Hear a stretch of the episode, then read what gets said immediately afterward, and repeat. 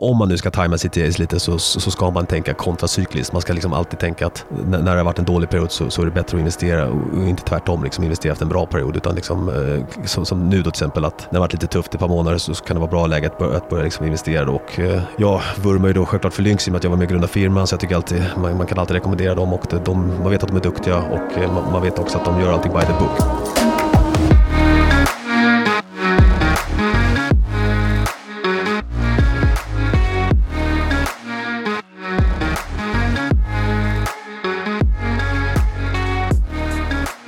Ja, välkomna till Antilop Podcast.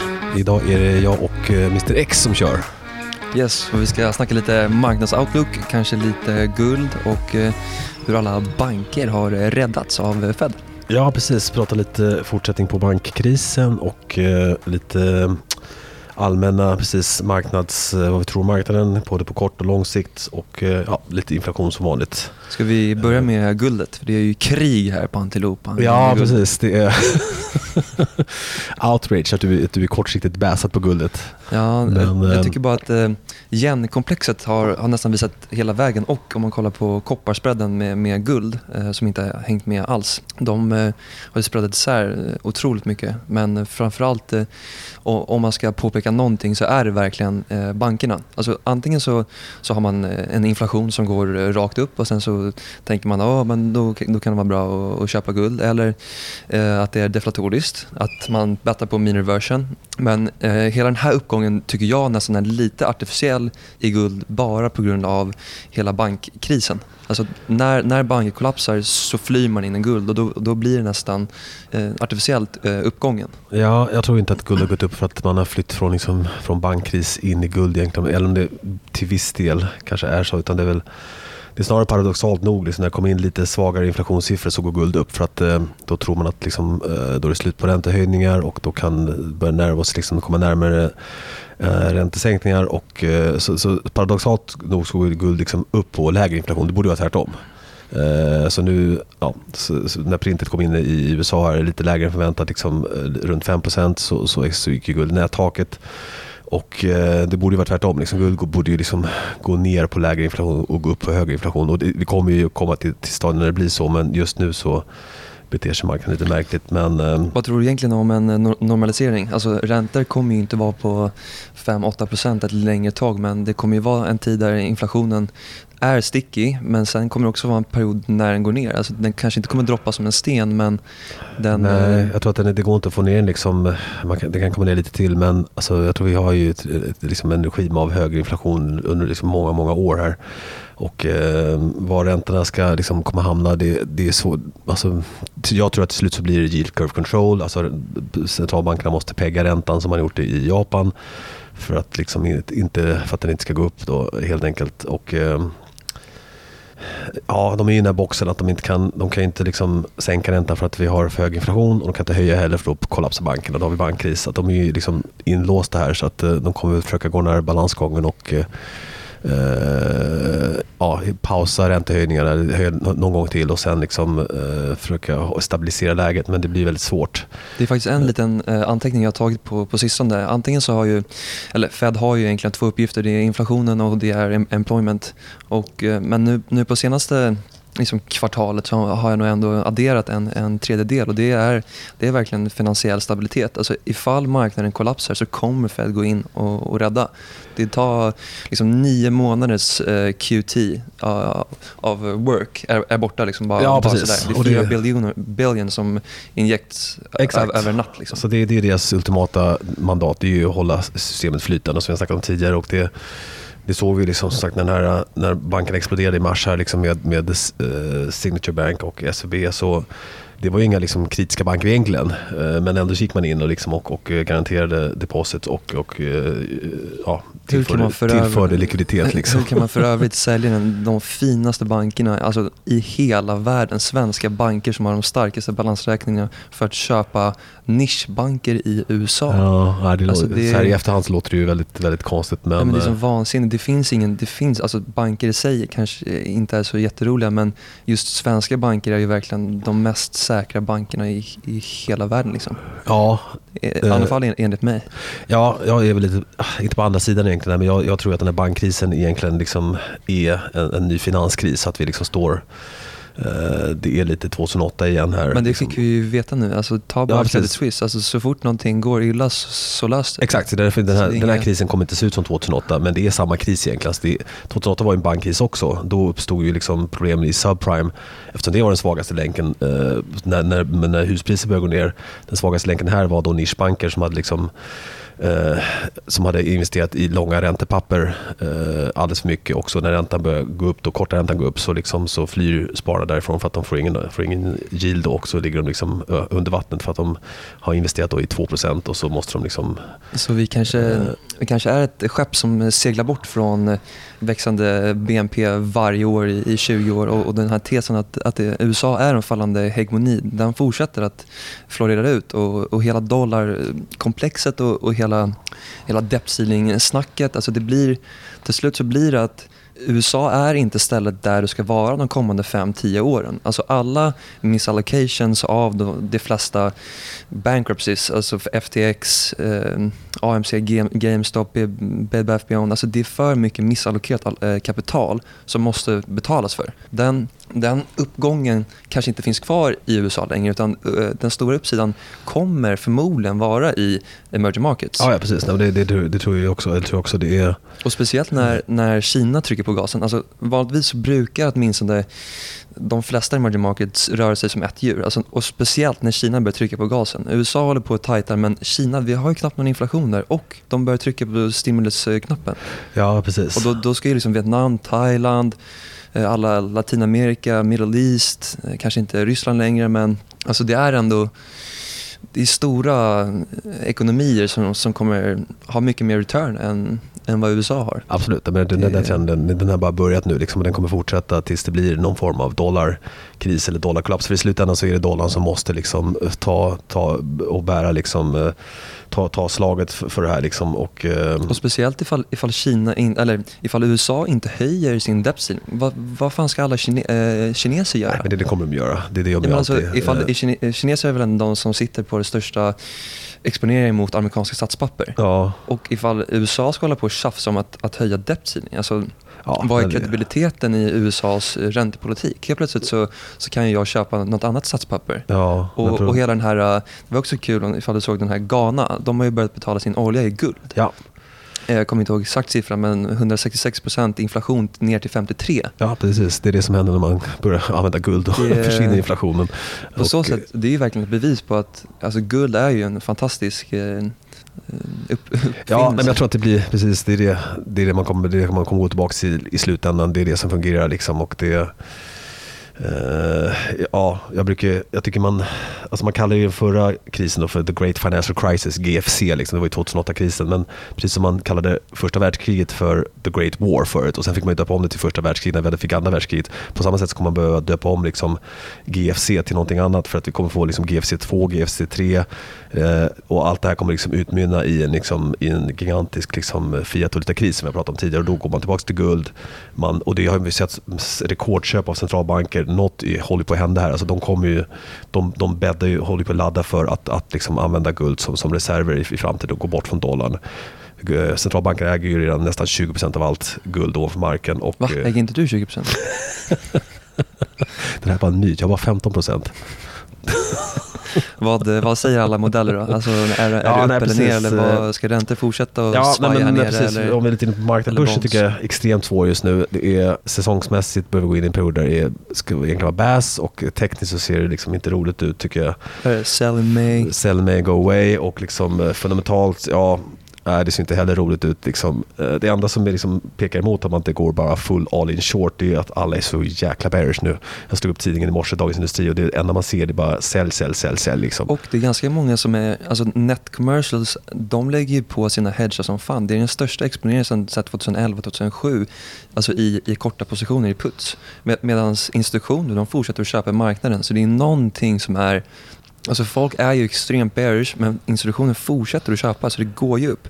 Det kanske är liksom att börsen, eller Babsen i det här fallet, den har liksom ingenting att fokusera på. Just nu är det ingenting som är så pass läskigt att, att börsen skulle gå ner 20%. För vi kommer aldrig gå ner 20% bara för att earnings calls är lite dåliga. Nej. Och speciellt nu när alla banker kommer in. Allting är ju bit. Ja, precis. Och sen, all, all, all, det är ingen som missar. Och sen man, nu har liksom Fed då börjat expandera balansräkningen igen och om det här fortsätter så lägger det ett golv för börsen på något sätt. Det blir svårt att liksom ha... Problemet är väl att, att vissa av de här jobben som skapas är i hospitality. Det, det, är inte i den privata sektorn. Alltså det är government som skapar alla de här jobben. Eh, ta, det är bara att kolla Amazon, Meta, alla de här grejerna. De lägger ju av fruktansvärt många människor varje månad. Ja, precis. Så, det jobb att, så the real economy i, i USA då, den växer, eller kommer förmodligen inte växa på samma sätt som den har gjort förut. Nej, precis. Jag, jag tror att jobbsiffrorna kommer börja... Alltså, man luras lite av att tro att det ser bra ut för att arbetslösheten är på rekordlåga nivåer. Men då glömmer man ju liksom att, precis som du säger, så många av de jobb som skapas är liksom låg, lågavlönade och eh, ofta så, så, blir, så byter folk ett bra heltidsjobb mot två deltidsjobb och det då ser ut som att plötsligt så är det, liksom, så är det två, dubbelt så bra liksom, arbetssiffror för att det är liksom, har man två jobb. Och det, men det är så är det inte. Att det, är, det är klart mycket bättre att ha ett, ett bra betalt jobb än två deltidsjobb. Men när, när arbetslöshetssiffrorna väl vänder och liksom, det börjar ticka upp lite så tror jag att det, det är det som kommer få Fed och, och liksom kunna pausa och ha det som ursäkt. Liksom, att, man, att man slutar höja och liksom, uh, ställer sig på sidlinjen. Och, uh, det är då jag tror liksom, att guld ja, Man får inte glömma att när, när räntan går från 1 till 4-5 procent. Alltså det är någon som ska betala de där Ja, precis. Nej, det, är, det är en jäkla kostnad och det, det, det, driver ju paradoxalt på, på inflationen också som vi, som vi snackade om tidigare. Att liksom, när räntan stiger så är det en kostnad som ökar och då, eh, så det är liksom, ja, eh, Eh, på samma sätt som, som, som, de, som man kunde liksom få inflationen att se lägre ut under många, många år när man sänkte räntan hela tiden och liksom fick ner folks kostnader och på, på företagskostnader. Eh, men apropå ränta då, liksom det, det, det trade jag skulle, nu ger vi inga rekommendationer men om man ska göra någonting på räntesidan så eh, tycker jag liksom att en, en, långsiktig bra grej är den här brantningstraden som jag snackat om tidigare. Att, att liksom, för, för nu är kurvan extremt inverterad. Eh, alltså korta räntan är mycket högre än, än långa räntan. Och, alltså, och det som kommer kom behöva hända det är att, liksom att, man, att, man, att kurvan brantar, att den vänder tillbaka. Så att, att korta sidan liksom går ner och, och långa sidan går upp. för att i slutändan så kan centralbankerna bara kontrollera den korta sidan. De kan inte kontrollera den långa sidan och eh, då, då kommer den här kurvan liksom att branta kraftigt. Så, ja. Eh, en liten intressant grej, alltså, du pratar ändå med många som, eller de som lyssnar kanske inte har, det är ju ganska många investerare som inte har varit med i gamet så länge. Eh, om man ändå har varit med 2000 och 2008 så känns det som att då, då vet man att det här kan pågå ganska längre än, vad man tror. Om du, ifall du pratar med någon, ja men typ mig eller eh, folk i, i, min närhet, de har ju bara varit med sedan 2015-2017 typ. Och det enda man vet är att så fort det går ner så går det alltid upp. Det, ja, den, den, de här räntorna, alltså, de kommer inte vara här eh, över en längre tid. Det, det, kommer vara, det kanske inte kommer vara en V-shape upp igen, men, men det kommer gå upp. Det är bara hur, hur tänker man eh, när det är tre, tre, eller fem år framöver där det kommer vara sidlänges eller ner? Ja, det är precis. Alltså psyket där, bara om du har någon, det är ju rätt eh, Men, men det kan inte gå mycket, mycket högre, alltså för då, då kommer man ju knäcka bankerna. Det ser vi redan nu, liksom, att, att banksystemet klarar inte av det här. Och, och, eh, det är samma sak med eh, företag och privatpersoner. Liksom. Så att eh, någonstans måste man cappa, cappa ränteuppgången som vi snackade om med yield curve control. Då, liksom, det, det är det som kommer i slutändan här. Men eh, ja, ska vi säga något mer om något, några andra marknader också? Jag tycker energi är väl det liksom som ser Energi är riktigt intressant. Bäst, bäst ut liksom. Alltså nu, Helt plötsligt så byter man ut hela sin bond-diversifiering till att köpa energi istället. Ja, det är den det... ultimata hedgen mot, mot hög inflation. Liksom, för det, det stora risken är liksom att crude står i 150 här eller två. Liksom, och vad, vad gör Fed då? då är liksom, det, vad då är händer game, med CPI när, när oljan står i 150 och liksom, man, man såg det, alltså, alltså Biden håller på att sälja ut eh, SPR, alltså deras strategiska oljereserv. Och det som har tryckt ner oljan under liksom ett, ett år här eller något sånt där och liksom, eh, för att få ner inflationen och liksom nu har de ju sålt ungefär hälften av SPR och jag tror det finns ingen chans att OPEC kommer låta liksom Biden köpa tillbaka SPR, eh, att, att fylla det igen med, med, med vinst, liksom, och göra vinst på den här traden. Det, det, det såg man att de, de gick direkt ut och gjorde en, en, en, en cut i, i produktionen, OPEC, liksom, för att trycka upp oljan igen. Och jag tror att, eh, ja, frågan är när, det är inte liksom om vi kommer stå 150, det är bara en fråga om när, när då cruden är 150. Om det är liksom i år eller om två år eller sådär, det, det vet man inte. Men eh, ja, energi och energiaktier ser ju extremt bullish ut. Och även liksom andra råvaror, softs, eh, kaffe tror jag är jättebra köp på en Plus ifall man bettar på hela den här tesen att dollarn ska kollapsa och sen att eh, råvaror ska gå upp. Vilka är det som korrar med dem? Jo, det är ju alla netexportörer av eh, commodities. Alltså alla emerging markets. De kommer ju tjäna som tusan på det här. Precis, e, e, emerging markets går jättebra eh, också. Så man får också en positiv valutaeffekt när, när dollarn går ner och, och eh, valutorna som, eh, i de här länderna går upp. Så man får liksom en double whammy då att man får en valutavinst också. Vilket liksom, och plus, ja. bara inflikat igen, hela den här grejen med Saudi. Alltså, nu, nu ska Saudi liksom inte vara snälla och snacka med USA längre utan nu ska vi vända ryggen till, till dem och så kör vi bara Kina istället. Ja precis, alltså, man det, se det är verkligen folk, en folk fallande trötta, hegemoni. Folk är jävligt trötta på att USA använder dollarn som ett vapen och liksom det här med att de cancellerade Rysslands FX-reserver och allt det här. Liksom, vem, vem vill hålla liksom, vem, vem vill vara liksom under det hotet? Det, det, det är det som gör att hela liksom, världen börjar röra sig ifrån dollarn nu och eh, den här trenden har ju bara börjat. Eh, och det, ja, det är också det som är skillnad mot förra krisen 2008. Då hade ju liksom då hade dollarn gått ner rätt mycket fram till att det smällde 2008. Och då guld hade varit en kraftig bull market. Nu är det lite tvärtom. Nu har liksom guld gått sidlänges under rätt länge och dollarn har varit rätt stark liksom när vi går in i den här krisen. Så jag tror att det här kommer se annorlunda ut. Det här kommer liksom nu, nu blir vändningen snarare ner i dollarn och upp i guld när, när, liksom, Jag tror när så här, här krisen slår till. Startskottet för att guld ska gå till 2500, 3000 eller 4000, vad du nu vill, det är när, när yenen, när yenkomplexet blir som starkast. Alltså när dollarn och alla, the beast, alla de här olika valutorna, när de... The beast, vad pratar du nu då? Pundet, förklara vad, vad beasten är för pund, något. Men när, när de eh, kollapsar, då kommer guld gå i nättaget. Jag tror verkligen att alltså, den indikatorn när genkomplexen går som starkast, det är då vi har den största bullrunnen ja, i guld någonsin. Jag tror att det hänger på centralbanken. Alltså, tänk på egentligen, guld har ju tickat på uppåt här nu, i alla fall liksom inte, gått ner eh, Eh, trots att man har haft den liksom, kraftigaste räntehöjning i, i mannaminne här. Liksom. Vad, vad händer nu då när, när, om eller när Fed och centralbankerna börjar pausa eller, liksom, eh, eller till och med börjar snacka om, och, och, och det är precis synd att man ska sänka räntan. Liksom. När det väl blir realitet, det är då liksom, jag tror guld exploderar. Men just här, jag håller med om att det är, det är alltid svårt när det är väldigt nära all time high som det är nu. Och liksom, eh, ja men vadå, DAXen är typ här, bara några hundra punkter från att göra all time high. Ja, Medan USA ligger här nere och laggar. Det är ju ja, Europa, har gått, typ, Europa har gått mycket bättre än USA. Eh, så är det ju. Så att, eh, men eh, ja, det är spännande, spännande att se vad som händer helt enkelt. Så om du har 100 miljoner, vad köper du för aktier? Ja, men det, då får man ju diversifiera sig lite. Men du, du, du snackade lite om att man ska välja en aktie så ja. måste jag välja Franco Nevada som är min favorit guld. Mine, det är ingen miningaktie men det är en, ett streamingbolag som som, eh, som köper royalties då på, på, i guldgruvor och andra metaller. Men väldigt stabil, eh, väldigt stabil cashflow, låga kostnader, låga liksom, eh, inga lån och eh, sådär overhead. Utan går väldigt bra när guld går upp självklart men klarar sig också rätt bra när guld går ner. Så att, Ska man bara köpa en aktie skulle jag köpa den. Den enda är att den är lite dyr men det är för att det är så otroligt bra kassaflöde. Liksom. Jag hade köpt Aselio. Är det all in på Aselio? Nej, men börjar bli snart. Hur många termosar kan man ha då Max? Nej, Tre. alltså grejen är här, mina barn ska bada i termosar. Det är en sak som är säker. Men, Men eh, jag såg ett, eh, såg ett bra tweet också apropå det här med eh, med guld och pengar liksom och, och, och så jävla bra. Det stod liksom, när man tänker på att man har pengar på banken, vad, vad innebär det egentligen? You have money in the bank. Bara det är, nummer ett, det är inte dina pengar. It's not your money liksom. Det är bankens pengar då. Och nummer två, de finns inte där. Det finns inga pengar där liksom. Banken har lånat ut dem till andra liksom. Och tre, det är inte pengar. Det, det är så jävla bra. Det är, liksom, det är bara papper. Så det ja. Men, um... Men så bullish emerging markets, eh, den här fallande hegemonin i USA, den kommer förmodligen fortsätta. Det... Ja, och även eh, på, på kortare sikt då liksom eh, energier och softs.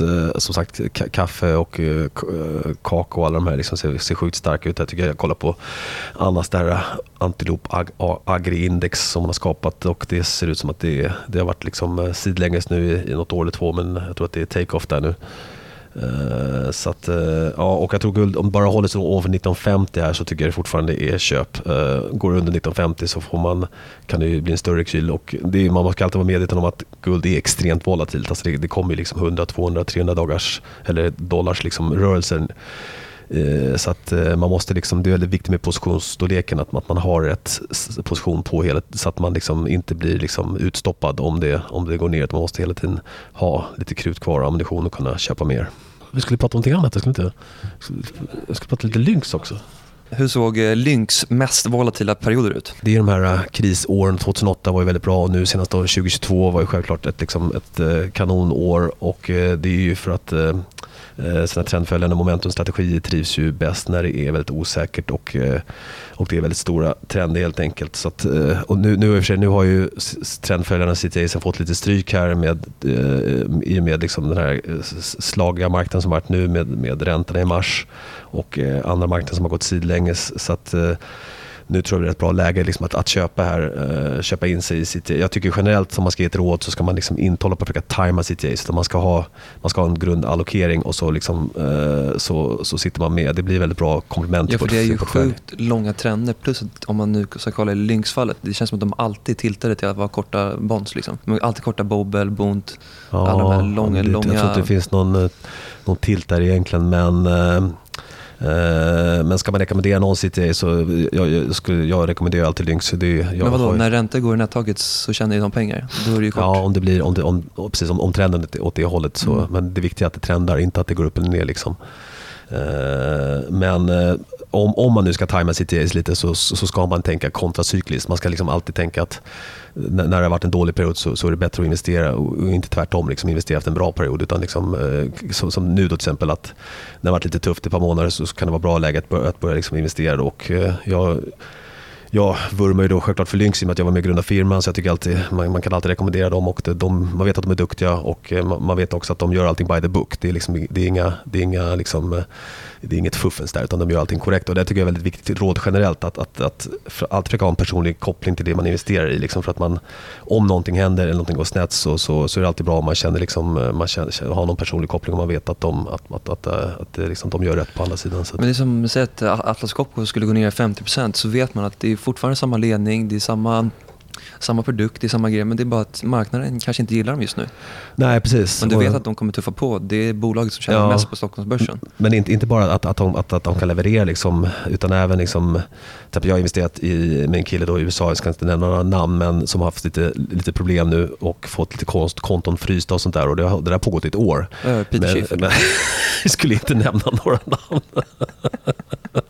Men liksom, jag, jag, jag, har inga, jag, jag sover, sover gott ändå för jag vet att jag, jag känner honom så pass bra liksom, efter att ha lyssnat så mycket på honom så att jag, jag vet att han kommer liksom, göra allt för att reda ut det där. Liksom, så att eh, ja, ha, ha, försöka ha, liksom, eh, försöka, om det går, liksom, ha, ha någon personlig liksom, kännedom om de som är bakom saker och ting så, så brukar man sova bättre på, på natten helt enkelt. Det känns ju som att eh, bitcoin är en väldigt bra person som man vill köpa. Känner du alltså, Satoshi? Jag undrar bara, så, vad, vad händer, säg ifall Vitalik skulle försvinna eller dö. Alltså, vad, vad tror folk händer med eh, Eter då?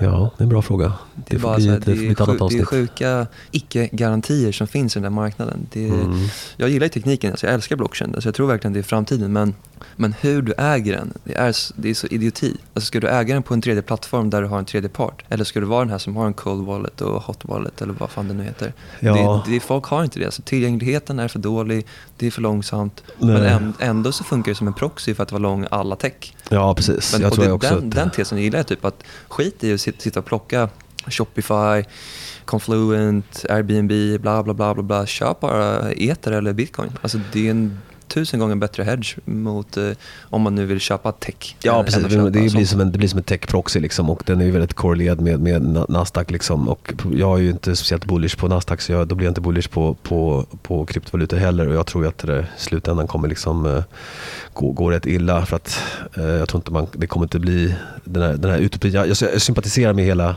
med hela kryptogängets liksom idé. Det är den här libertarianska idén om att liksom centralbankerna trycker för mycket pengar och liksom i slutändan så kommer det liksom bli värdelösa pengar. Och det, det, det, tror jag också. Jag tror bara att de, de bettar lite på fel häst. Liksom, för att vi kommer aldrig gå tillbaka, vi kommer aldrig gå till ett anarkistiskt system där där, som, där pengar utanför liksom, institutioner utan det kommer bli liksom någon, om, om, om man gör om liksom någon form av valutasystem med guld som, som, som bas. Liksom. Så, så här, eh, om man ska bara göra det kortfattat, ifall jag har 100 miljoner och jag sätter in de pengarna på banken, då vet jag att det finns garantier. Ifall det är någonting som händer med de här pengarna, då kommer den här tredje parten fastställa att jag får tillbaka pengarna. Jag har ett kreditkort, jag betalar någonting som inte är mitt, som inte jag har gjort, då får jag tillbaka de pengarna. Men med bitcoin, vad händer då? Vad, Nej, händer, vad händer ifall någon snor mina bitcoins på min så kallade hot wallet? Eller cut, eh, Nej, wallet? plus att man kan liksom... Eh, man Ingen kan... vettig investerare eller person som har en förmögenhet kommer inte sätta in sina pengar där ifall de inte är slightly insane. Nej, liksom. precis. Sen, sen, sen, sen, tycker jag liksom att, eh, jag håller med om att pengarna är ju säkra. Jag tror inte man behöver oroa sig för, för att pengarna ska försvinna från banker. Utan det, det man ska oroa sig för är liksom värdet på pengar, att det, att det går ner. Liksom. Och det är ju liksom hela inflationstesen. Att, liksom att eh, att pengarna kanske är säkra på banken eller de är liksom, eh, man kommer alltid få tillbaka sina pengar men eh, vad har de för värde? Liksom? Och det, det är det som är problemet, att, att man måste skydda sig mot den här inflationsskatten liksom, som, som, eh, som, som vi ser framöver. Och med det här har ni lyssnat på?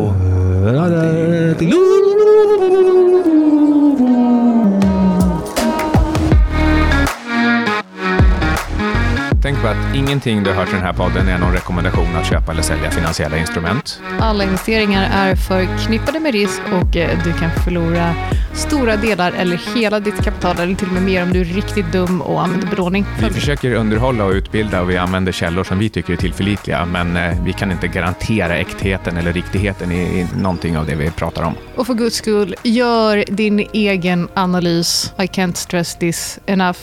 Eh, och never dina go pengar, all in. Nej, och det är dina pengar, eh, ditt ansvar.